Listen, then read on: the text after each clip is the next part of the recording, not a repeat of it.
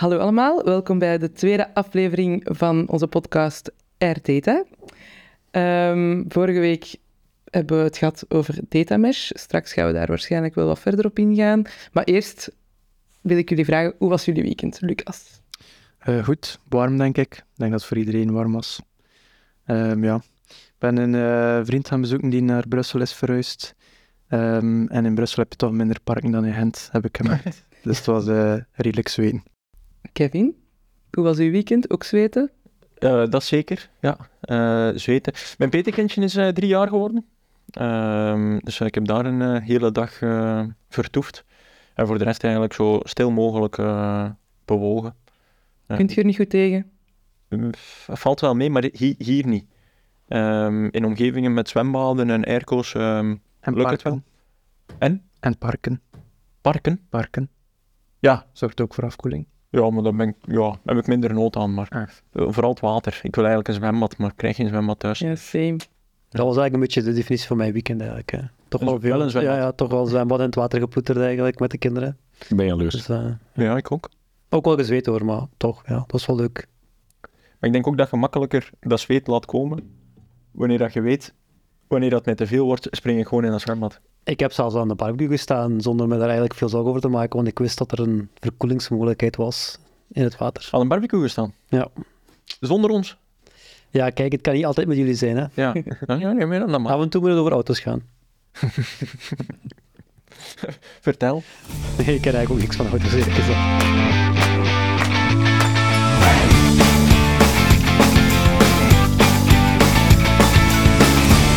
Dus we hadden het vorige week over vorige keer over datamesh.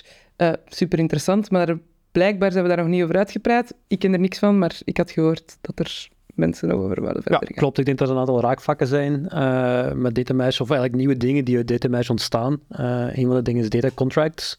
Dat is eigenlijk een concept wat de laatste acht, negen maanden eigenlijk heel populair aan het worden is en veel, veel meer lawaai of ruis krijgt in de community in het algemeen. Nu, wat is dat data contract? Uh, een poging om het uit te leggen. En Ellen, help me if I'm ja. uh, going wrong here. Uh, het gaat eigenlijk om letterlijk een contract afsluiten waarbij de, de, de team wat eigenlijk data produceert, dat afsluit met het team wat eigenlijk data gaat consumeren. Dus om het eigenlijk proberen een anders te plaatsen. Als we software aan het bouwen zijn, of een dienst afnemen van Salesforce of ergens iets, die genereren data. We gaan eigenlijk daar zeggen van oké, deze data komt eruit, daar zijn, dat, dat garanderen we.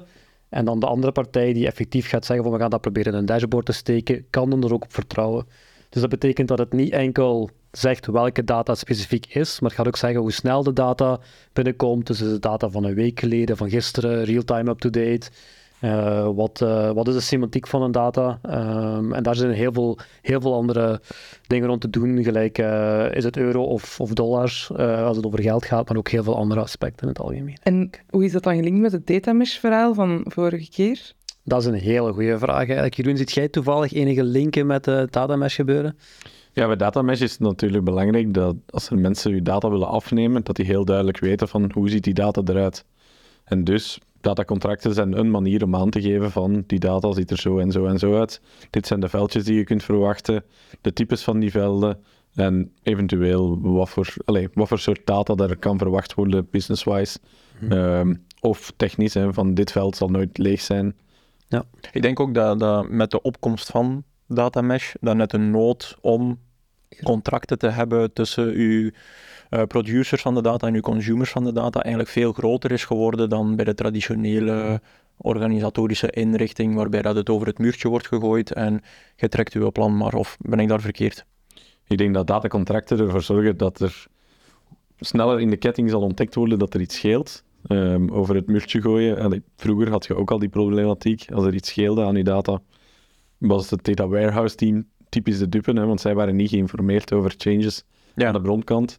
En dus dat propageerde wel. Dus ik denk ook daar dat datacontracten meerwaarde kunnen zijn. Ja, ik wil niet zeggen dat er vroeger nooit is geweest, maar de nood wordt wel groter wanneer dat we met veel meer verschillende teams gaan hebben die op hun manier data gaan exposen naar de afnemers. En dus telkens dat daar afnemers zijn die hinder ondervinden wanneer dat je geen contract hebt afgesproken en wanneer dat de data terug verandert.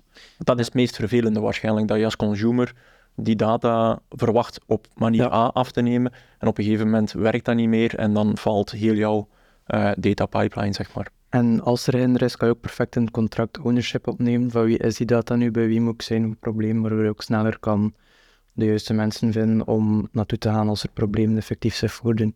En dat sluit wel mooi aan bij de data mesh gedachte natuurlijk. Inderdaad. Klopt. Dat zou wel de bedoeling zijn dat natuurlijk er, als je een datacontract hebt, ik kan, kan me nu moeilijk voorstellen dat je dan een datacontract hebt en dat de bedoeling van een datacontract is van als het fout gaat, Ja, niet per se dan om, kan je deze mensen lastigvallen. niet per se om een persoon te pinpointen, maar wel van welk team of van welke business Ja, unit. maar zelfde, zelfde opmerking. Maar we willen hier voorkomen. Je in wil het plaats van eigenlijk Ja, ja, we Ja. willen voorkomen in plaats van genezen eigenlijk. Ja. eh. dus dat is eigenlijk het, echt het or- originele idee van datacontract. Laten we proberen te voorkomen Ja. van dat er dit probleem ontstaat. Namelijk dat 's ochtends een data-engineer wakker wordt en het eerste wat hij mag doen naast zijn kop koffie drinken, is eigenlijk naar een dashboard kijken met alle pipelines van hoe de data moest binnenkomen, gefaald is, omdat er eigenlijk weer een nieuwe release buiten gegaan is, waar er allemaal veldjes veranderd zijn of dingen veranderd zijn. Eh, waar ze niet van op de hoogte zijn gebracht, met als gevolg dat, dat de dashboards eigenlijk niet meer werken. Ik, ik ga al ook direct een domme vraag stellen. Zo'n datacontract, hoe ziet dat eruit? Is dat letterlijk een papier met eh, tekst in en dat wordt getekend? Allee, dat is nu misschien heel eh, dom, maar concreet, wat is dat? Er is eigenlijk geen concrete invulling van dit moment. In de zin van eigenlijk het wordt vrijgelaten. Net als bij datamesh eigenlijk zijn dat, dat, dat, dat stoel op principes. Dus van dat standpunt mag er gekozen worden van hoe je dat invult. Binnen de, eh, de wereld wordt dat vaak vandaag eigenlijk in JSON gedefinieerd. Eh, wat een, een formaat is waarbij je makkelijk eigenlijk eh, dingen kan, kan beschrijven. En op die manier eh, is het mogelijk om te zeggen van oké, wat zit er nu, ah, wat zit er nu in en zo verder. Eh, maar er is geen teken of zo. Het is niet dat bij DocuSign of andere dingen Nee, nee. dat je moet gaan tekenen of gaat afprinten. Ik had wel onlangs ergens een bedrijf tegengekomen, ik weet niet meer zo welke dat was, maar die eh, een open source versie had gemaakt van het contract die zij gebruiken eh, in hun bedrijf, in YAML, dus zo wat een specificatie. Dus ik zie wel dat er wat meer beweging is om daar wat tot allee, formaat te komen die algemeen aanvaard worden. Denk dat dat altijd, hè, hoe, Ja. hoe meer tractie dat, dat gaat eh, krijgen, hoe meer dat een nood om daar ook een soort van protocol voor af te Ja. spreken van oké, dit zijn de elementen die we daar minstens in, in verwachten.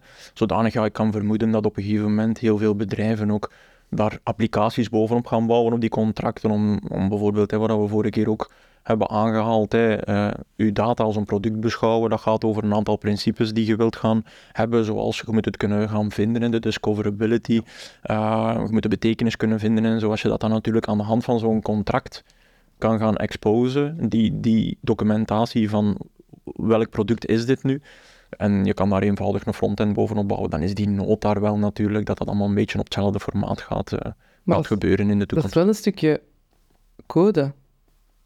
Het contract. Ja, Ja, ja oké. Ja, het, het hangt af van je code definieert. Het is meer Ja. een beschrijving eigenlijk wat je met code kan interpreteren. Dus zowel het voorbeeld van Maar- Lucas is YAML. ja. Maar je het is wel een terug- beschrijving waar dat code mee overweg kan. Ja, ah, wel, ja. Ja. inderdaad. Het, het is niet, het, is geen gewoon een doorlopende tekst in. Nee, In Nee. Word kan geen... is wel de bedoeling dat zijn. bijvoorbeeld... Ik denk dat dat wel kan. ah, ja, dat dat kan kan Ik denk dat er ook niks mis Ja. mee is. Maar dan ga je een heel aantal voordelen verliezen. Maar er zullen organisaties zijn.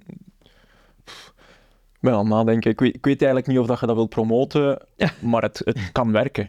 Ja. Maar ik vraag me dan af Ja. hoe je die Word-documenten gaat Denk- eh, uitwisselen. Eh. Ik denk dat je perfect op basis van je JSON of je YAML een leesbare tekst kan maken, waar dat begrijpbaar Ah, wel, ik zal dan eerder weer dat doen natuurlijk. Ja. maar, Ja. maar ja. En dat is wat ik daarnet zei, als je het wil gaan visualiseren. Ja, Ja, ja ik denk dat met dat er gaat nog meer opkomen, gaan er ook inderdaad meer tools gaan staan die, die het toelaten om, om een makkelijke, voor de consumer leesbare versie te creëren. Net als om, omgekeerd voor de producer eigenlijk een, een soort van red flag te creëren van oh, je breekt het contract, pas op, eh, nu moet je eigenlijk je contract aanpassen, een nieuwe versie van het contract, waar dan ook de consumer moet verwittigen. Dus dat soort dingen begint meer en meer op te komen. En vandaag is dat vaak eh, bedrijven die die concepten willen toepassen, die dat, die dat custom eigenlijk, eh, custom tooltjes bouwen. En dan gelukkig met de ja, open source wordt meer en meer belangrijk, waardoor gelukkig veel bedrijven dat ook gewoon open source al Ja, want inderdaad, als je dan het, de, het data mesh eraan linkt, dan gaan er veel meer mensen in contact komen met data. En niet iedereen kan, dat le- kan daarmee overweg met zo'n Mhm. JSON-file en al. Dus ik zie daar wel nood aan om dat ook op een andere manier dan naar buiten te brengen op basis van de info in die JSON-file. Ik denk dat we dat ook kort aangehaald hebben. Hè? Dat, dat bijvoorbeeld de, de, ehm, de gedachte... Hoe zeg je dat? De, de, ehm, de bedenkers wat ik zeggen, de bedenkers, hè, dus eh, Zamak. Zamak. Ehm, dat die nu ook een eh, bedrijf heeft opgericht om een product uit te bouwen rond de principes van hoe ga je data als een product beschouwen en hoe ga je dan dat soort stuk self-serving infrastructuur eh, voorzien. Ik denk het omgaan met datacontracten, dat je die automatisch kan laten genereren, dat je die kan visualiseren, dat gaat onderdeel zijn van zo'n platformen. En ik denk dat altijd wel de bedoeling blijft binnen Datamesh dat je daar zo weinig mogelijk businessmensen of, of analisten mee gaat lastigvallen. De techniciteit van dat moet in een YAML geschreven worden. Dat is niet waar hun van wakker moeten liggen, denk ik. Maar dat- Zeg maar, Jeroen, doe maar. Ja, als we die YAML kunnen visualiseren in een data catalog, waar dat ook businessgebruikers toegang toe hebben, dan kunnen die wel controleren van, oh ja, hier ontbreekt precies iets qua data. Ja. Dat is wel een van de sterktes natuurlijk, als je diezelfde file kunt hergebruiken voor verschillende doeleinden. Qua data of metadata. Dat gaat dan eerder over de metadata. Ehm idealiter kan die daar ook nog eens uitleg over de data bijschrijven, maar ik denk niet dat dat allemaal in die YAML-file gaat geraken. Kunnen Ja, dat is, dan... dan, dat is dan wel dat dan de bedoeling, hè, want de semantiek moet ook belangrijk zijn om uit te leggen. Het gaat soms ook veel, over veel complexere voorbeelden dan euro of dollar. Bijvoorbeeld een vrachtwagen rijdt van plaats A naar plaats B. En dan wordt de afstand daarin uitgedrukt voor supply chain of logistics. Maar de afstand, wat is dat? Is dat de vogelvluchtafstand? Is dat de kortste afstand volgens eh, ja, een bepaald algoritme? Eh, dat is eigenlijk eh, ook heel belangrijk voor als je daar dan berekeningen op gaat doen. Dus vanuit dat standpunt denk ik dat er toch, toch wel meer in moet komen dan, dan dat eigenlijk. Ja. En dat is natuurlijk nog veel moeilijker om eigenlijk te detecteren, want gaat een datacontract daar dan echt zoveel Nee, dus de, de datacontact gaat de semantiek natuurlijk niet kunnen detecteren, maar wel Ja. voor de consumer natuurlijk makkelijker maken om de semantiek vast gedefinieerd te hebben. Dus als er eigenlijk twee partijen op een bepaald contract eigenlijk gaan consumen, dat is op zijn minst eigenlijk over dezelfde semantiekdefinitie. Want dat moeten we misschien toch een keer aan een voorbeeldje verduidelijken of zo. Of... Ja, maar is ik, alles. ik ging eerst nog vragen, misschien dat we daarna een voorbeeldje kunnen zoeken.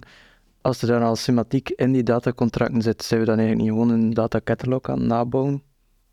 In zekere zin. Was ik op een gegeven moment ook een beetje aan het... eh, Ja, dat is dus ook een vraag die ik eigenlijk, eigenlijk wou stellen aan jullie. Eigenlijk, van wat, wat zien jullie eigenlijk bijvoorbeeld datacontracts als een manier om een datacatalog te vullen? We hebben nu veel over een datacatalog gepraat. Wat, is het, wat zijn de kenmerken van een datacatalog? Goeie vraag. ben, Volgens mij is dat een overzicht van alle data die binnen een organisatie leeft. Ehm, Ja. Je kunt dat daarnaast ook uitbreiden met dit zijn de businesstermen die we binnen een organisatie hebben. Maar het primaire doel is om inzichtelijk te maken van dit zijn de data assets binnen een bedrijf. Ja. En dat kan dan verder gaan. Hè. Dat kan dan zeggen van ah, we hebben die tabellen en in die tabellen kun je die kolommen verwachten. En je kunt dat zo gedetailleerd mogelijk maken als dat je zelf wilt. hè. Je kunt daar rapportering in steken, je kunt er verder en verder in gaan. Ehm, maar het doel is inzichtelijk maken wat voor soort data er is binnen het bedrijf. En van een contract is dat dan eerder afspraken maken. Ja. Ja, klopt. Maar eigenlijk staat er veel dezelfde info in. Eh, Een datacatalog is typisch beschrijvend over, oké, dit zijn de assets, terwijl een contract is inderdaad iets wat dat je afspreekt en wat dat je ook wilt afdwingen tussen de, de producers en de consumers. hè. klopt. Maar daarmee vond ik het wel een goede vraag. Hoe dat je datacontract dan niet gewoon kunt gaan gebruiken om je datacatalog op te Ik denk dat dat inderdaad herbruikbaar moet zijn. Hè? Ja. Allee, maar als daar een verschil tussen die twee zit, Ja. dan is er ergens wel iets verkeerd. Ja, ja, nee, fully agree. In die context doet het mij ook eigenlijk heel hard denken, we hebben het daar nu nog niet over gehad, ehm, een beetje aan software engineering en API's. Eh, als, we, als we kijken naar, naar eh, REST API's, eh, waarbij software vaak met elkaar communiceert. In die context heb je heel veel eh, ja, Swagger en andere tools eigenlijk, die al contracten op een of andere manier definiëren, waar ook eigenlijk UI's op zijn, waar je zelfs testjes mee kunt doen eigenlijk naar de API calls. Eh, het voelt eigenlijk een klein beetje vergelijkbaar daaraan. Ik weet niet wat jullie daarover denken. Gaat het dan verder dan enkele afspraak maken, maar ook effectief de controle uitvoeren? Maar ik denk dat dat wel afhangt hoe je het interpreteert uiteindelijk. Van- vandaag is er ook geen manier voor, voor REST API's om vlot het contract af te dwingen. En de zin wat ik daarbij bedoel is van, als ik als HubSpot zijnde bijvoorbeeld Ja. zo met API aan te passen, ja, dan wat je dan typisch doet is deprecaten, heel een nieuwe versie introduceren, hopen dat iedereen overschakelt ehm, en, en op die manier switcht. Terwijl bij, dit, bij dit- data contract, afhankelijk van hoe je ze gebruikt, zou je wel iets meer rigide kunnen omgaan met het waarschuwing en toch ook sneller doorschakelen naar, ja, naar data changes eigenlijk, die dan, die dan effectief eh, resultaat geven in, in, in upstream of eigenlijk ah, nee, downstream bij je dashboard eigenlijk. hè. Op zich hebben we beide wel dezelfde, dezelfde doelstelling. Nee, Eh, ja, ja zeker zin wel. je Ja. wilt het wel kunnen gebruiken als middel naar de data producer van kijk, ja, we hadden eigenlijk dit contract afgesproken. We merken hier nu toch dat het veranderd is en het gaat toch ook de producer meer aansturen om te zeggen van ah, ik moet hier een wijziging doorvoeren, ik ga een nieuwe versie van de dataset aanmaken. Ja, en de reden waar, waarom ik het zei, Kevin, is dat in de context van, van, van hoe ik het eigenlijk op zie gebruikt worden, is, is eigenlijk bij Go Cordless, eh, die hebben als bedrijf effectief, eh, als je een contract opstelt, dan wordt er een automatisch volledige datapipeline achtergezet, met zelfs eigenlijk eh, de opslag van eigenlijk de data die, die dan meteen kan geconsumed worden, waardoor er een heel andere insteek is van hoe datacontracts gebouwd worden. Beetje, ik denk dat tegenwoordig ook af en toe al gebeurt bij API-design, van we gaan eigenlijk een API volledig definiëren in, in JSON-formaat. En dan gaan we automatisch de code daarachter genereren. Dus, dus, dus weer op basis van de, bij een API heb je een swagger. Daarin staan, je hebt die en die en die endpoints om bijvoorbeeld producten op te halen, producten te Ja. editeren en producten te doorzoeken. En die, dat documentje zou je kunnen gebruiken om automatisch je code voor je API te laten genereren. En dat is eigenlijk een beetje wat je dan zegt. Je zou eigenlijk je consumer pipeline zou je automatisch kunnen laten genereren Ja. aan de hand van zo'n contract. Dat zou Ja. al Maar zover zijn we nog niet. Wel, Cordless gebruikt dat wel intern Ah, zo, ja, op die manier. eh, een eigen ontwikkeling dan. eigen ontwikkeling, ja. Dus Ah, ja, eigen ontwikkeling op, op basis van Google Cloud principes eh, met PubSub en, en BigQuery. Ja. Ehm, en ze hebben er ook een redelijk actieve, actieve blog over eigenlijk, waar je kunt zien hoe, hoe dat evolueert. En ze nemen daar natuurlijk stappen in, as, as we go. Dan blijf ik wel denken dat het belangrijk is dat je toch naar een soort van. Ehm als je niet de vrijheid eh, is blijheid en dat elk team zijn eigen technologieën mag gaan Mhm. kiezen, want dan worden dus dergelijke zaken veel lastiger, denk ik, als je zo'n contract wil vertalen naar een consuming data pipeline. Ja, als iedereen zijn eigen technologie heeft, dan gaat dat moeilijk worden. Maar als je wel vanuit dat self-serving data platform en het team daarachter zegt van dit zijn de technologieën waarmee dat wij het gaan ondersteunen, en dan worden zo'n dingen wel mogelijk. En dus denk ik wel daar, dat soort stukje... Ja, dat eh, daar inderdaad wel belangrijk is dat je goede afspraken maakt. Of je hebt met team A een andere overeenkomst als met team B. En dat zijn andere soorten contracten. En probeer dat dan maar een keer af te checken. Of, of- Ja, of misschien dat je gewoon zegt van kijk, ja, dit hebben wij standaard in, onze, in ons pakket zitten, in ons platform. Als je dat kiest, dan moet je maar een dataproduct hebben, of een eh, datacontract hebben, en dan komt de pipeline erbij. Wil je toch iets anders gebruiken, even goed, maar dan zijn een beetje meer op je eigen aangewezen. Ja. Dat is misschien goed in hele grote organisaties, omdat daar toch wel vaak een departement of een team een keer voor een bepaalde reden moet afwijken, maar in de kleinere organisaties zou ik dat toch, ik zou daar meer van wegblijven. Ja, omdat je dan ook nu eigenlijk aangeeft, is een beetje dat ook eigenlijk data contracts een vehicle kan zijn om data quality te, te, te verbeteren. Maar daarnaast ook eigenlijk de cultuur en de manier waarop er gedacht wordt over data binnen de organisatie, een, Ja. vor- net als datamesh, ook een vorm te geven. Ja. Maar dan misschien nog iets meer rigide of strikter eigenlijk in het algemeen.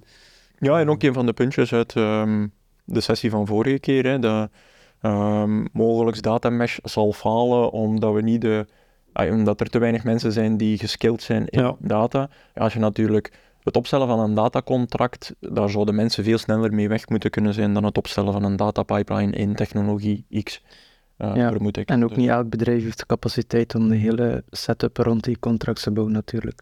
Nee, maar ik geloof er wel echt in Dat er eh, daar goede tools naar boven binnenkort. Ja. Ja, is er Ja. al een grote speler dat jullie weten dat daar is op gesprongen en daar Ik heb, mee bezig ik heb het gevoel dat er nu zo meer rond kenniswerking bedrijven delen hoe dat ze het doen, maar zo nog niet echt.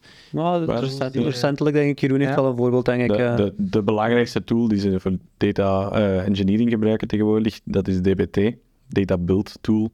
En die dient eigenlijk om transformaties bovenop data te doen. En die, werkt, die heeft sinds kort, ik denk een maand geleden, ehm, een nieuwe feature geïntroduceerd. En dat dient ehm, om datacontracten expliciet te maken.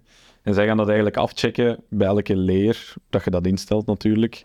Ehm, Elke je, layer. eh, elke laag van je data warehouse, dus daar waar de data binnenkomt, elke transformatie die je doet. En dan ehm, Dus eigenlijk elke laag is een stukje zou je dat producer, consumer. Natuurlijk Ja, dus, om daar gebruik van te maken, maar je zou bij elke laag kunnen zeggen van, Ja. dit is het schema dat we verwachten, dit zijn de checks die we daarop willen doen, Ehm, not nul, Eh, dit moet een unieke kolom zijn. En bij elke laag kun je dat dus definiëren en gaat hij dat at runtime eh, afchecken, eigenlijk nog voor de pipeline effectief gelopen heeft. En dus hij gaat tegenhouden van zodra dat er ergens iets verkeerd gegaan is. Want dat is interessant, want ik, ik weet niet, niet of dat iemand van jullie was.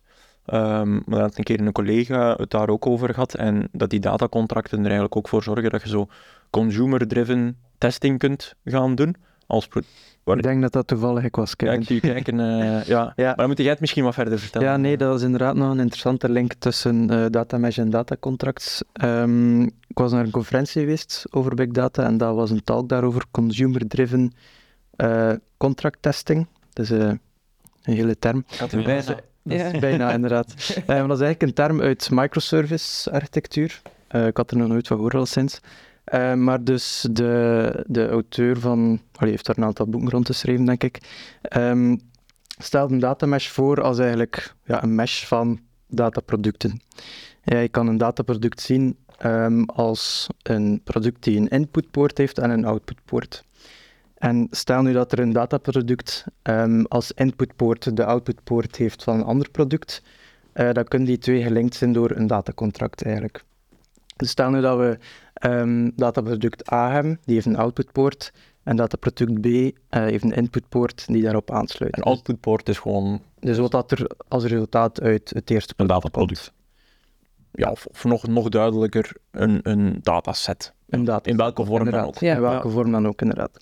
Dus dan is het principe dat eh, de consumer, dus dataproduct B, eigenlijk een set van testen gaat schrijven op basis van dat contract. Stel nu, het, datapro het dataproductteam van product A maakt verandering aan zijn product ehm, en je wil die verandering testen.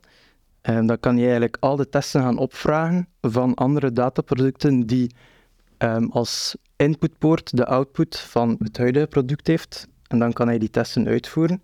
En als hij ziet dan al die testen slagen, dan weet hij eigenlijk zeker dat downstream andere dataproducten eh, niet gaan falen. Omdat hij weet van die Het is testen. misschien initieel nog anders begrepen, Lucas. Ja. Want nu, en, dus, wacht, hè, het principe heet Consumer-driven consumer-driven contract testing. Dus het is eigenlijk als ik en mijn product wil testen, dan zorgen de consumers ervoor dat ik testcases binnenkrijg. Ah ja, ja, ja. Elke Ja. gebruiker van dat product geeft aan, dit zijn mijn voorwaarden, Ja. die moeten Ja, voldaan en als je zijn. daar niet aan voldoet, dan mag je je product niet dus het ergens contradictorisch of zo. Stel- Waarom, waarom zou de producer dat zelf niet kunnen? Ja, stel dat de consumer maar twee kolommen gebruikt van de vijf van uw product. Dan kan die zeggen van ja, die twee kolommen mogen niet veranderen of je moet Ja. mij waarschuwen. Ehm, de producer kan dan die Ja, andere kolommen Ja, aanpassen, want maar er is dan geen test. Kevin, omdat je simpelweg niet weet wie dat er allemaal mogelijk je data gebruikt. Als Ja. je... Ik zou denken, als je een bepaald contract afspreekt, Mhm. dat je gewoon zorgt dat je voldoet aan het volledig contract. En ik krijg nu een beetje de indruk dat je zo wat minimalistisch gaat kijken van oké, ehm, welke testen krijg ik hier binnen en dat dekt misschien 30% Je gaat van al je meer contracten af. en dan kunnen die anders 70% negeren, want niemand gebruikt het toch. En nu dat ik het zeg, denk ik dat er wel waarde in zit, Ja, maar het inderdaad. is wel wat raar. Je gaat Ja. iets meer vrijheid hebben om Ja. het contract te breken. Ja, En maar- weet je ook direct wel inderdaad... wie dat er je data nog gebruikt, effectief. En dus ook naar Lineage toe kan dat ook wel een voordeel zijn om te zien wie- welke services gebruiken er effectief. want er dan zo van die coverage tools dat je wel zo in de software engineering, eh, de sonar cubes en zo, Mhm. hebt, dat je kunt zien hoeveel met unit testen, hoeveel Ja. lijnen code dat je afdekt. Zou die hier eigenlijk kunnen ontdekken van, oh, we hebben hier zoveel data pipelines, Ja. kost ons iedere maand duizenden euro's op, eh, op AWS. En dan, als we alle testen bij elkaar eh, plakken, dan zien we dat maar 20% van onze data wordt gebruikt. Voilà, kan. En dan zouden we zo kunnen besparen. kan. Ja, maar ik vind dat niet logisch. eh, Dat ze zelf aangeeft van 20% van de data. Als, het, als ik een datacontract met een consumer afspreek en nog een ander datacontract, mm, zelfs dezelfde producer met een andere consumer, verwacht ik dat je maar één, dat, dat niet één, maar dat 100% of 80% van de data van dat contract gebruikt Als je verschillende contracten hebt, hè, Ja, ja, ja, Ja, als want anders voelde dat aan als van we gaan datacontract, dat is één bullencontract Ja. eh, Ja, maken maar eigenlijk. een API, dat is typisch een, een definitie die dan door iedereen gebruikt kan worden. Interesseert er in alle kolommen of niet. Dus ik snap wel dat je een beetje... En Want ik- Maar mis- dat misschien is het... Dat is, dat is ook de link met microservices, hè, Lucas. Ja. daar, Microservices heb je vaak geen idee wie je API's gebruikt. Of ja, je kunt er wel met, met logging en zo verder, maar typisch wat minder het zicht op. Maar misschien dan die consumer-driven test dan nog verder gaan dan de contractdefinitie alleen. Ik weet niet zo goed direct. Ik heb een vraag. Ja, Ja. Ja, want het ging hier Ja. even... oppassen nu. ja, Ja. ja. Nee, dus die contracten... eh, Voor mij is het even nog niet duidelijk. Als ik een, ehm, een dataproduct heb... allee, of er is een... een, eh, hoe zeg je dat? Er is een transport van... Er is een een- outputpoort en Ja, een ja. inderdaad, een outputpoort en een inputpoort. Is dat één datacontract? Of inderdaad, is het een gebundel van verschillende output, inputpoorten, ja. lijnen, en dat gebundeld in één contract voor één Nee, product? tussen een outputpoort en een inputpoort kan je een contract dat, definiëren. dat is gewoon altijd één contract. Ja, nu, Maar dus, we zeggen wel, elke consumer heeft zijn eigen Ja. contract met de producer. maar ik wil even Ja. zeggen, dat was ook maar een beetje een model dat die, zou moeten. dat die voorstelde van datameshes. Niet dat dat allemaal zo één op één is. Ja, ja, ja. Niet- Allee, Het is zo'n manier om erover te redeneren en na te denken. Ook Ik denk dat je best ook al af en toe het ownership van het contract bij de producer kan leggen en dat je gewoon van een producer zijnde van kijk, dit is wat ik kan aanbieden, dit is het contract dat ik kan aanbieden. dat Maar de, de ownership ligt sowieso bij de producer, denk Ja. ik, hè? van het contract. Waarom zou je dan verschillende contracten aanmaken voor verschillende consumers? Dat is ook een goede vraag. Dan, dan dwingt je wel je consumers om expliciet te maken van die, dit zijn de tabellen. Ik vind dat er voor beide je wel iets, te zeggen is. Dan is toch, Ja. want in verschillende contracten voor verschillende consumers, dan is eh, het, het, het idee dat Lucas nu bracht toch relevant, want dan weet je gewoon exact wie we, uw gebruikers zijn en wat dat die nodig hebben. Dus ik was nog niet goed mee waarom dat, dat geen, niet volledig de lading dekt. Hmm. Jij, jij, Kevin, jij, jij opperde dat van, ja, maar dat dekt toch nog niet volledig de lading, want dan heb je maar een klein deel van, eh, van uw interactiemomenten in kaart gebracht, omdat die mensen rechtstreeks naar u komen, zogezegd. Maar dat is toch juist goed? Ik, ik zie nog Als- niet als waarom dat niet goed is. Als iedere consumer expliciet zijn contract afspreekt met de producer, heb je een goede overzicht van wie Ja. er allemaal data af. Ja. En als je dan toch wilt zien van wat is alle mogelijke data, dan kun je nog altijd in de datacatalog gaan kijken. Dat zou dan de, de unie moeten zijn van alle contracten, plus misschien nog een aantal extra kolommen die je zelf wel hebt, maar die niemand wilt consumeren. Ja, zo zie Ja. ik het. Maar ik snap ook wel waar Kevin naartoe wil, maar, het, Dank u. maar, maar, maar, de, maar de consumer kan het contract niet... Heeft geen, ja, de producer kan het ten alle tijde verbreken wanneer hij wil. Ja, ja, ja, Zij ja, wil. absoluut. Ja, Eh, Ja. Dus voor dat standpunt is het... Ik snap dat je ownership ownership bij de consumer wilt leggen, maar daar... nee, nee, dat, lijkt mij, dat lijkt mij raar. Nee, nee. Maar dat gaat... Je spreekt af met de consumer, maar de producer blijft in die end eh ownen. Hè. Wel, ik heb een verkeerd begrepen. Ik dacht dat hij eigenlijk wou aangeven dat, dat de consumer een stukje de ownership zou overnemen. Nee, nee, dat was mijn bedoeling niet, maar zo begint het wel te lijken. Ja, dat vond ik raar. Ik Ja, denk dat het ownership wel altijd bij je producer En dat is Ja. inderdaad het pro- u- u- uw, uw bedenking bij het idee van eh, Lucas. Ja, en dan is dat toch juist de manier om als producer te weten dat als je changes maakt die downstream problemen kunnen veroorzaken en wanneer niet. Ja, ja. Maar Ja. dan vind ik het eigenlijk Ja. wel nog, een- nog een, een goed idee. Want dat, Voilà. vol, dat volg ik vaak in de, de klanten waar eh, ik al heb gewerkt, hoor ik dat vaak van, ah, ik gebruik een tabel, eh, Excel-gewijs heb je dat ergens uitgetrokken, dat is misschien allemaal niet zo heel... Excel-gewijs. Ja, zo, hè, ja dat, dat is niet zo heel proper, maar soms gebeurt dat. Nog. gaat het. Vaak. Ja, zo gaat het, inderdaad. En dan is, heeft er iemand ergens een datatabel of een kolom veranderd, waardoor dat beneden alles Voilà. vastloopt. Maar niemand heeft een idee van hoe dat die personen... Allee, wat dat er allemaal gebeurd is, dus dat zou dat ideaal zijn om zo'n Voilà. dingen op te lossen. De volgende keer dat dat gebeurt, moet je zeggen, we gaan een datamesh binnen gebruiken. Oké. Ik denk niet dat datamesh niet per se de Is oplossing dat echt de oplossing? Ja. Ja. Altijd.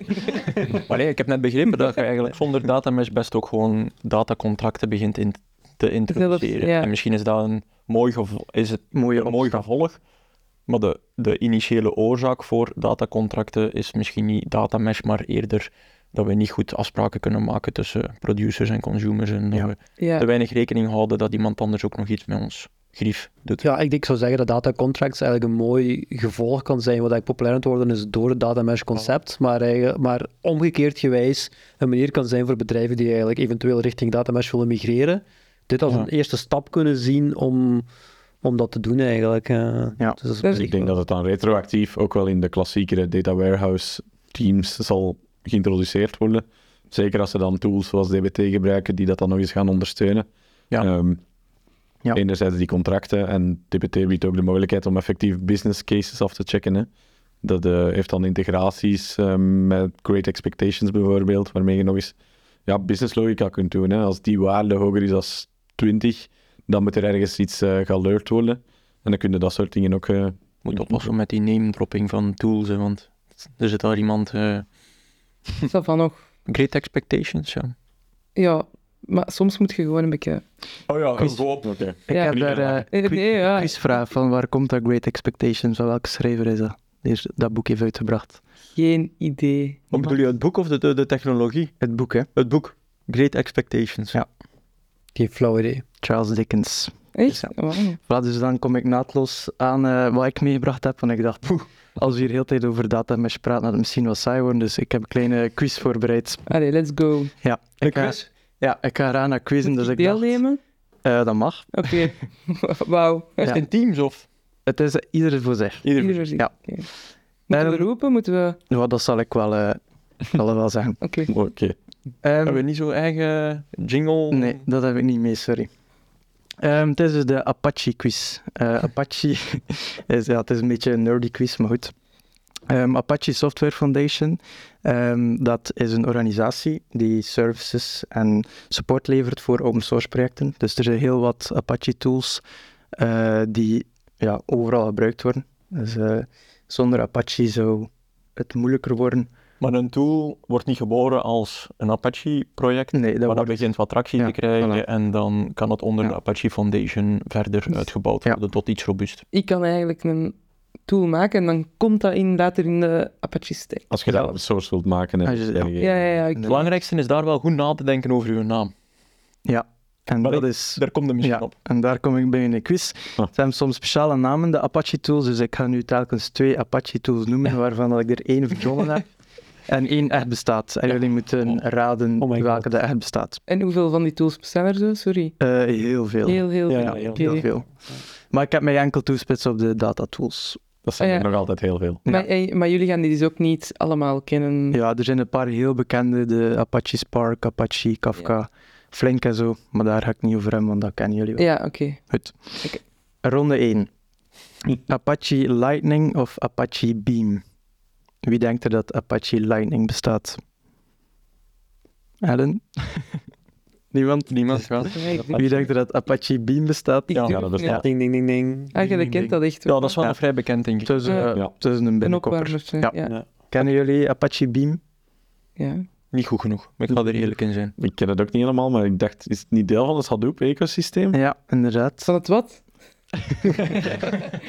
Voilà, ik heb, het, ik heb je nog gewaarschuwd. hè. Eh, ja, het Hadoop-ecosysteem is eigenlijk eh, een ecosysteem van tools die eigenlijk allemaal gebouwd zijn rond het eh, Hadoop filesystem. Daar is mee is begonnen. En dat is eigenlijk een manier om je data gedistribueerd op te gaan slaan over verschillende nodes. En dan hebben ze daar allerlei Computers. rond verzonnen. Ja. Eh, ik zal ze niet allemaal opnoemen, want misschien En- hebben ze nog in eh, de quiz. Hadoop is gewoon een naam of zo. Ja. Alleen een bedenker. Be- Apache Hadoop, inderdaad. Maar Ja. ken je daar de, de anekdote van? Hadoop? De naam Hadoop. Het is de- met een olifant. De bedenker, ehm, zijn, zijn kindje, ik weet niet wat een zoontje of een dochtertje was, maar die had een knuffeltje, een olifant. Ah, ja. En knuffeltje heette Hadoop. En dus Hadoop heeft nu het logo van een olifant en de naam van dat Dus die is olifant. echt van de bedenker uit. En dat knuffeltje staat nu in het museum. Dat, dat exact... eh, Waar? en waar, ja, Ja, dat weet ik niet. ja, dat moeten we misschien toch eens opzoeken. Dat weet ik ook Ja. niet. Goed, maar dus Beam is een distributed framework om data te gaan processen. En het grote voordeel daarvan is, heb het zelf nog niet gebruikt, maar ik heb het dus gelezen, is dat je een unified batch en streaming experience hebt. Dus je schrijft ene keer een job om je data te processen. En als het dan je data in batch komt of in streaming komt, dan maakt dat niet uit. Ja, en dat ook heel veel plugins en libraries Ja, heeft om, om Inderdaad. heel wat connectoren Ja. out of the box aan te bieden Ja. naar database systemen. Ja, en bijvoorbeeld als je een batch job schrijft, dan kan bijvoorbeeld onderliggend Spark daarvoor gebruiken en dan voor streaming een ander framework, zoiets. Ik dacht dat Google... Ja, Google ehm, Dataflow is volledig gebaseerd op, ehm, op Beam. Voilà. Heb ik zelf nog niet mee gewerkt, maar Ja, ik ook niet. Ik ook niet. En, Dus- en, maar hoe... maar- ja? Beam zal vergelijkbaar zijn met Amazon Kinesis, denk ik. Die bieden ook zoals Oh nee, dat denk ik services aan. Dat is, Nee? Dat is echt, Kinesis is echt Kafka, vergelijkbaar. Er, is nog wel wat, er zit nog wel een ecosysteem van, je hebt van Amazon rond, maar verschillende Ja, die- dingen. Je hebt ook een managed Flink, je hebt ook die ehm firehouses, meer delivery pipelines. Wat. Is Beam dan niet geen zo concurrent van. voor Spark? Hm? Is Beam dan geen concurrent voor Spark? Ja, denk het wel. Is niet eerder voor Flink, als het Flink. bench streaming is. ik maar denk dat we nu heel veel tools hebben. Ja, Heel veel dit tools is gewoon zo'n Ja. heel veel tools die Straks, ja, al zijn gekost vragen, worden. straks al zijn vragen op. Maar ga- naar, naar ja. het puntensysteem... ehm, Eh, denk drie of vier. Nee, ik heb ook, iedereen, ja. iedereen één punt. Goed. Goed bezig, Ellen. Dank u, dank u. De volgende. Apache Zeppelin of Apache Airship? Mag ik niet gewoon roepen? Dat Ja. Zeppelin. Ja. Nee, nee, Zeppelin. Wie denkt dat Zeppelin bestaat? Ik heb er eh, eh, Ah, oké, Ja. wauw. Ja, iedereen. Oké, iedereen Ja. opnieuw een Ja. punt bij. Proficiat. Ja. Ik kende dat niet. Ik moet toegeven dat ik het ook niet ken, maar, het, maar Airship is het, leek, leek het me niet te Ik denk dat we beter anonieme stem. Ja, het is een eh, alternatief voor de Jupyter Notebooks. Ja. zijn. Ah? Inderdaad. Ja. Voor wat is dan altijd? Extra bonuspuntje dan? Eh, nee. Voor Jupyter Notebook, dat is eigenlijk een eh, manier waar je eigenlijk ja, Python code kunt schrijven en dat delen met elkaar via een bepaald bestand. Gelijk een Word-bestand, Ja, oké. Python. En interactief. Dus. Dat was nu eens kort duidelijk Ja, uitgelegd, voilà. Dus wat is Ja, niet. Dus wat is? Eh, een een eh, manier om Python-code te delen met elkaar. Kan je, daar kan je het voor gebruiken. Maar het biedt ook uh, goede integraties aan met tools like Spark. Dus, Maar je kan ook je Python-code gelijk uitvoeren Ja. en zo. En het, is, het geeft eigenlijk een browser-ervaring. Ja. dus het is echt wel... In mijn hoofd hebben heel, die, heel, heel veel van die tools veel overlap met elkaar. Of dat is is zeker dat... zo. Ah, dat is ook Dat is zo, ja. Oké. Dat is om het, om het voor ons wat complexer te maken in data. Ja. Ja, want dat lijkt... Maar dat komt een beetje terug ook in, ik denk, daar is de vorige aflevering ook over gegaan, hè, de modern data stack en net die explosie van al die tools. En dan gaat het nog niet eens over al die die onder Apache vallen, maar gewoon heel breed. Ja. Ehm, en dan wordt het natuurlijk met de dag moeilijker beheersbaar Ja. eh, voor veel bedrijven. hè. Wat, wat, wat gaat er nu gebruiken morgen, Ellen, bij uw klant? Jawel, ik zou het echt, Zeppelin of... eh, echt niet weten. Ja. Ja. Jupyter of Jupyter Lab kan ook nog. Google Colab. Colab. En als daar geen afspraken in je bedrijf over gemaakt zijn, dan kan iedereen gewoon gebruiken wat hij wil. Ja, en dan heb je licenties voor iedere Ja, tool. ja, die laadlicentie kost Ja, ja, beginnen te rekenen. voilà, en ja. dan eh, wordt er toch eens nagedacht. Ja, Oké. die wildgroei is niet zo'n uitzonderlijk. Hè? Dat is waar. Eh, maar je kan het bijvoorbeeld ook gebruiken om rond Flink SQL bijvoorbeeld. Dat is een, als je dat wil gebruiken, kan je dat, ja, je SQL-commando's in, een- in een terminal uitvoeren. Dat is niet zo handig, maar je kan dat gebruiken naar zo'n interface rond te doen. Dus echt een SQL-commando uitvoert en direct resultaat ziet. Dus ik denk dat het wel heel customizable is om Ja. eh, Ja. dingen mee aan te doen. Als in het heeft verschillende interpreters. Ja. Ja, inderdaad. Goed, iedereen twee punten, proficiat. Dank u. De volgende is misschien... Ja, ik kan niet zeggen. De volgende, Apache Merlot of Apache Pinot? Wie de... Hey, ik ben benieuwd naar ik? Nee, nee, nee, gewoon... Nu iedereen ogen toe, want anders... Wie denkt dat Apache Merlot bestaat?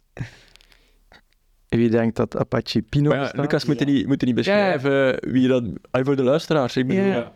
Ah, ja, ja, maar dat, ik ga dat achteraf zeggen. Ah, ja, ja. Oké. Eh, ja, oké, iedereen nog een punt bij, goed. Ehm, Alright. Hey, ik ben echt... ja, Dus wat was- dus- dus wat was het? Ja, was het net? Pinot bestaat. Pinot, ja. Pinot. Het zijn alle twee wijnen voor degenen die het nog niet door aan. Merlot is ook een wijn. Ehm, Vind je het best? dat, ik ben daar niet zo in thuis. In mijn... En wijn. Gewoon wat name dropping. Ja. Wat vind jij de beste? Pino. Pinot. Dat is genoemd aan de tool. Oké. Dat was Pinot. Ja. Pinot is een analytical database die eh gebouwd is door LinkedIn. Ehm, en het, het biedt naast de gewone, alleen als je zegt database, denkt iedereen aan een SQL-database. En dat is eigenlijk een OLTP-database, een Online Transactional Processing database. Dus dat wil zeggen dat die databases goed zijn in transacties. Bijvoorbeeld als je naar de webshop gaat en je koopt iets, dat is een transactie, dan wordt er een rij in je database gestoken. Als je je gebruiksgegevens aanpast ergens, je profiel ergens aanpast, dan wordt er een rij geüpdate. Dat zijn allemaal transacties.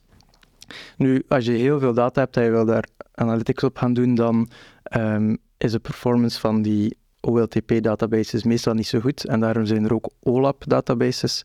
Dat zijn Online Analytical Processing databases en die zijn geoptimaliseerd om analytische queries uit te voeren. En dat is Pino. En Pino is daar een voorbeeld Ja. van. Ja, inderdaad. Hebben jullie daar al mee gewerkt of een gelijkaardige database gebruikt? Ja. Ja, Ik heb ook al eens met Pinot proberen eh, spelen, en Mhm. zo, maar dat was toen nog ehm, vrij vroeg. Dus dat lukte nog niet zo vlot. Ja. Maar ik denk dat het ook vooral in eerste instantie op Kafka eh, gebaseerd was en zo. Ja. Dat je data eerst op Kafka moet staan en dat je het dan eh, in Pinot kunt krijgen. Ja, dus een andere eh, ehm, zeer hard aan het opkomen, hè. DuckDB. DuckDB, is dat vergelijkbaar? Het is ook een OLAP-tool inderdaad. Ja, hè? niet? Ja, Ik zou zeggen van wel, ja. maar ik denk niet dat je ze kan vergelijken qua use cases. Ik denk dat Trino echt, like dat je zegt, Tino, Pino, sorry. Pino, Dat is Trino, dat is, ja, daar gaan we niet over is dat de volgende vraag? Of? Nee, nee, nee, dat is geen vraag. Ehm, eh, waarbij je Pino echt streamingdata gaan kan analyseren. Bijvoorbeeld bij LinkedIn wordt gebruikt om ehm, te zien Ja, ja, ja. hoeveel mensen hebben uw post al bekeken, wie heeft er uw eh, profiel bekeken. Dus dat is een echt gigantische stroom data die binnenkomen, hele grote hoeveelheden, om daar dan queries op te gaan doen. Ehm, dus niet om de data op te slaan, maar echt gewoon ehm, streamingdata die binnenkomt te gaan verwerken, Een vraagje dat me nu te binnen schiet. hè. zeg maar. Je zegt nu, LinkedIn heeft dat opgesteld, Ja. omdat die Pinot-tool, omdat zij dat nodig hebben, maar waarom zetten ze dat dan in Apache? Apache? Een goede vraag, maar je hebt ook de ommekeerbeweging, hè, dat er open source tool is, bestaan vanuit een research project bijvoorbeeld, maar dat het dan door een Amazon bijvoorbeeld wordt gebruikt als dienst en zij verdienen daar wel geld mee. Dus je hebt eigenlijk de twee richtingen qua... Ja, en ik denk om op de vraag te antwoorden, dat LinkedIn op een gegeven moment een nood eh, vindt die op de markt nog niet echt, of dat er nog op de markt nog geen oplossing voor is. Ik denk dat zij Pinot voornamelijk hebben eh, gebouwd om, also de, de, krijgen ze daar geld voor? de, Dat nee, andere nee, mensen ja, als zij, als zij intern een platform hebben, LinkedIn, een website, waarop dat ze aanbevelingen willen doen van dit lijken mij interessante jobs ehm, voor u, dan willen ze eigenlijk real-time eh, willen ze die aanbevelingen kunnen gaan doen. Eh, Het gaat natuurlijk over gigantische hoeveelheden eh, data die ze bij LinkedIn hebben. En ze hadden eigenlijk op die schaal toen der tijd, ik denk we zeker over vijf, zes jaar geleden spreken, nog geen efficiënte oplossing. Er, is, er was niks. Dus ja, wat kun je dan doen als gigant? Dan kun je zelf iets beginnen bouwen. Ehm, dus daar beginnen ze dan vaak mee. Dus Apache Pinot, dat begint er... ai, dat was toen niet Apache Pinot, het zal wel een werknaam hebben gehad. Ja. Maar dan denk ik dat er op een gegeven moment binnen zo'n organisatie een momentum komt dat ze zeggen van oké, dat begint hier te werken en zo, maar we willen daar zelf niet te veel investeringen als LinkedIn, als bedrijf, in doen. Dan ga je dat eigenlijk open sourcen om zo te hopen dat dat tractie begint te krijgen en dat eigenlijk dat een eigen leven begint te Ja. leiden naast LinkedIn en dat je daar dan meer, dat je daarop verder kan gaan bouwen eh, zonder dat het budget van LinkedIn Ja. eh, vraagt. En Ja, dus ondertussen dan- wordt dat product Dan doneren ze eigenlijk Ja, echt hun product aan de Apache Foundation. Ja, ja, en dan is de bedoeling dat andere mensen dat nog verbeteren en dat Ja. jij dan daar ook van benefit en die verbeteringen terug in je eigen Ja. bedrijf. En het kan altijd zijn dat de mensen van LinkedIn daar wel aan verder Ja. werken Ja. Meestal, meestal is dat wel Ja. zo. om dat in leven te houden. En Meestal gaan die gewoon mee met dat project. hè. Ja, Ja. voilà, dus- Of dat er een, een licht gewijzigde versie van het product ontstaat, of twee verschillende versies. Oké. En, Maar dus- en, en ondertussen hebben we al, denk ik, tien keer, twaalf keer LinkedIn gezegd eigenlijk, maar als gevolg er ook heel veel brandingvoordeel is. Ja. om- Eh, Correct, ja, dat is wel zo, ja. Dus heel veel brandingvoordeel naar, naar engineers toe. hè. Engineers werken ook graag vaak aan dat soort producten eigenlijk. Dus, eh. Oké, ja. dat Is, is- Kafka ook niet ontstaan bij LinkedIn? Ik Ja, denk ja, ja. Dus voilà, nog een keer LinkedIn. Hupla. En nog een keer een andere, een andere Apache-project Kafka. Eh, maar dus om terug te komen naar Pinot Mhm. versus ehm, DuckDB. Ik denk dat dat terecht is. Hè. Ik denk Ja. dat de Pinot al een eh, specifiek segment van eh, Ja. de OLAP databases, het real-time eh, segment behandelt. En dat DuckDB inderdaad meer voor de ja, eh, ad hoc querying is eh, Ja. van gigantische hoeveelheden aan data. Ja. En schaalt Pino dan ook naar gigantische datasets? Distributed, hè. Ja. Het is eh, massi- Wel. massively parallel. Maar dan bij DuckTV is dat wel beperkt, neem ik aan. Ja, ja. Hetgeen dat je memory kan, idealiter. Ja, ik heb, maar ja, hier moet ik oppassen, zo, want dan, dan, dan moet ik misschien eens voor een andere aflevering houden. Maar ehm, ik zit veel op Reddit voor dit soort zaken, niet voor andere zaken, dus voor de rest vrij veel bucht. Maar ehm, je hebt zo de data engineering, ehm, wat is dat dan, subreddit? Ja. Subreddit, ja. Ehm, en daar is DuckDB ook wel eh, een topic dat veel behandeld wordt. En ik denk dat daar op een gegeven moment stond van, ja, je mag het eigenlijk niet, hè, want ze, ze vergelijken het heel vaak met SQLite, de in-memory database Mhm. voor OLTP. Eh, als je bijvoorbeeld op een smartphone een database wilt hebben, dan was dat een keuze, omdat je database eigenlijk gewoon in een bestandje zit. Ehm zoals altijd heel gemakkelijk eh, en draait in memory. Dus zeiden ze van DuckDB, ja, dat is eigenlijk de in-memory, of de, de OLAP variant van eh SQLite. Ehm waar dat SQLite de OLTP-versie is. Maar daar waren de mensen dat precies een beetje aan het weerleggen Ja. en dat je het eigenlijk geen in-memory database mocht eh, noemen. En waarom niet, weet je?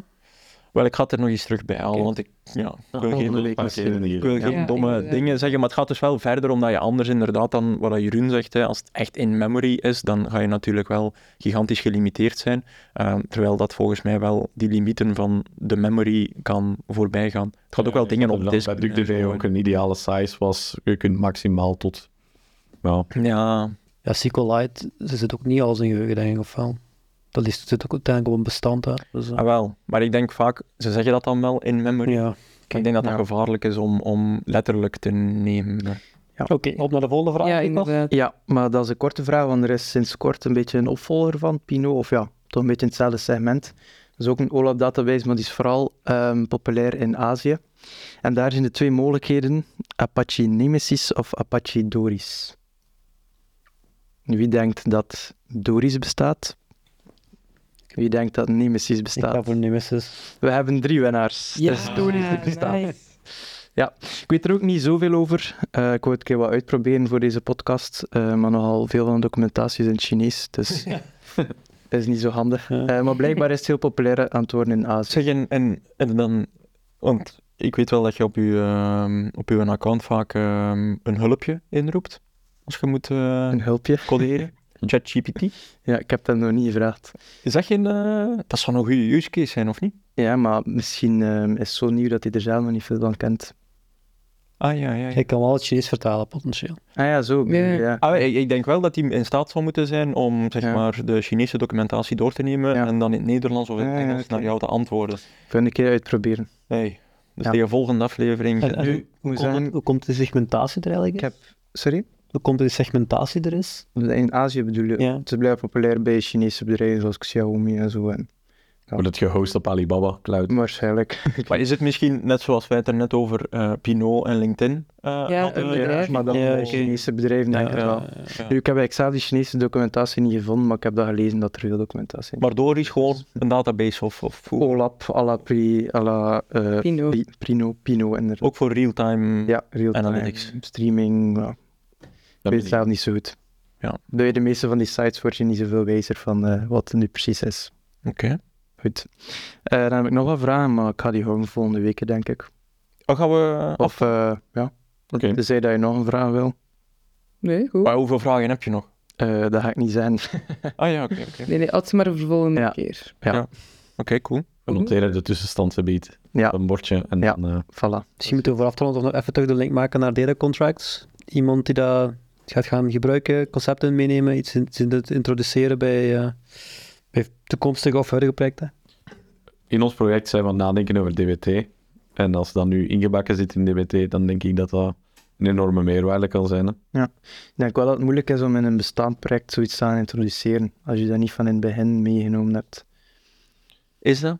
Ik denk net dat je dan vaak waarschijnlijk wel een keer tegen de muur loopt en Mhm. dat de nood van een datacontract wel eh, naar boven komt. Of een oplossing om ervoor te zorgen dat je niet iedere keer die frustratie hebt van ah, ze hebben bij de bronapplicatie de database weer een keer veranderd. Hè, wat je vaak wel een keer hoort. En ik denk dan wel dat met heel de opkomst van datamesh en de bijhorende, ik wil het geen trend noemen, maar principes van datacontracten, dat het makkelijker wordt om de mensen te overtuigen binnen een organisatie om daar toch een keer naar te grijpen. En je kunt, je kunt klein beginnen, hè. Ja, met nieuwe een connecties. ja. ja. Dat beginnen daar te definiëren en laat het stelselmatig groeien. Ja. hè. Ja, of begint met de die waar dat je de frustratie hebt. Of inderdaad. Kan ook Bij begin- net dat, eh, dat team waar het altijd misgaat. Ja. Ja.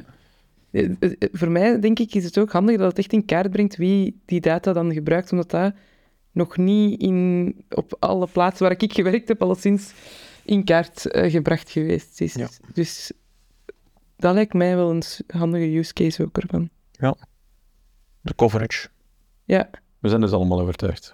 ja Goed gedaan, Loop. eigenlijk wel. Ja, dank u wel. Ja, ik vraag me eigenlijk af of de software engineers ook overtuigd zijn natuurlijk. eigenlijk, Want het is natuurlijk weer iets meer werk voor hun potentieel om dat soort dingen in, in de gaten te houden. Ja. Maar ik denk dat wel. Ik denk dat het eigenlijk vanuit het shift left principe iets is wat makkelijker in te voeren is dan, dan bepaalde andere concepten. Dus ik denk dat Als organisaties data-driven willen worden, moeten ze ook wel inspanning leveren, natuurlijk. En willen we dat onderscheid nog maken tussen software engineers en Ja. data engineers in die hoedanigheid? Ja. voor mij hoeft dat niet, nee. Ik heb nog één vraag daarover. Hoe valideert je zo- zo'n contract? Is dat echt enkel tussen... eh, tussen welke partijen, welke partijen moeten er allemaal bij betrokken zijn? Idealiter doet je het tool dan, hè. Ja. Dus dat wordt gedefinieerd en bijvoorbeeld in het geval van DBT, om daar nog eens op terug te komen, die gaat dan tegen de database waar dat op runt, effectief controleren van, ah, dat veldje is dat een nummer, en dat veldje is dan een string, en dat veldje is dan niet leeg. En die gaat dat soort dingen in de database uitvoeren. Eigenlijk constraints leggen op Maar wie bepaalt dan die, die constraints? Dat is wat dat er in uw contract gedefinieerd is. Ah, wel, ja, dus JSON wij- Dat doen, dat doen, Dat doen wij, Wie zijn wij? De De, de mensen- consumer samen. Ja. Samen. Dus, Samen. Ja, ja, samen af, gedefinieerd van dit is eh, ons contract. En dan gaat een tool dat Maar interpreteren. de business Ja. hoort daar toch ook bij? Ja, het staat de consumer is ook van op de business. Ja, vaak, hè? Ja, inderdaad. Ja, oké. Een goede vraag. Ja, dat was even niet, niet heel duidelijk. Ja. Maar, dus ik zie er veel voordelen in. Ideaal. En er al voordelen in. Ja, ja, eh, dat is, dan zijn we goed Ik bezig. denk dat het ook wel vandaar zou moeten kunnen vertrekken. Ja, denk ik ook wel. Van niet per se de technische persoon. Nee, ja, ah, zo heb je meer kans dat het geadopteerd wordt en dat het effectief Ja. ehm, zal werken hè, in je business. Dus. Voilà. Oké, merci, mensen, voor deze aflevering. Ehm, volgende keer zijn we er weer en dan zullen we terug nieuwe topics horen. Ehm, see you next time. Goed. Salut. Salut! Tot de volgende.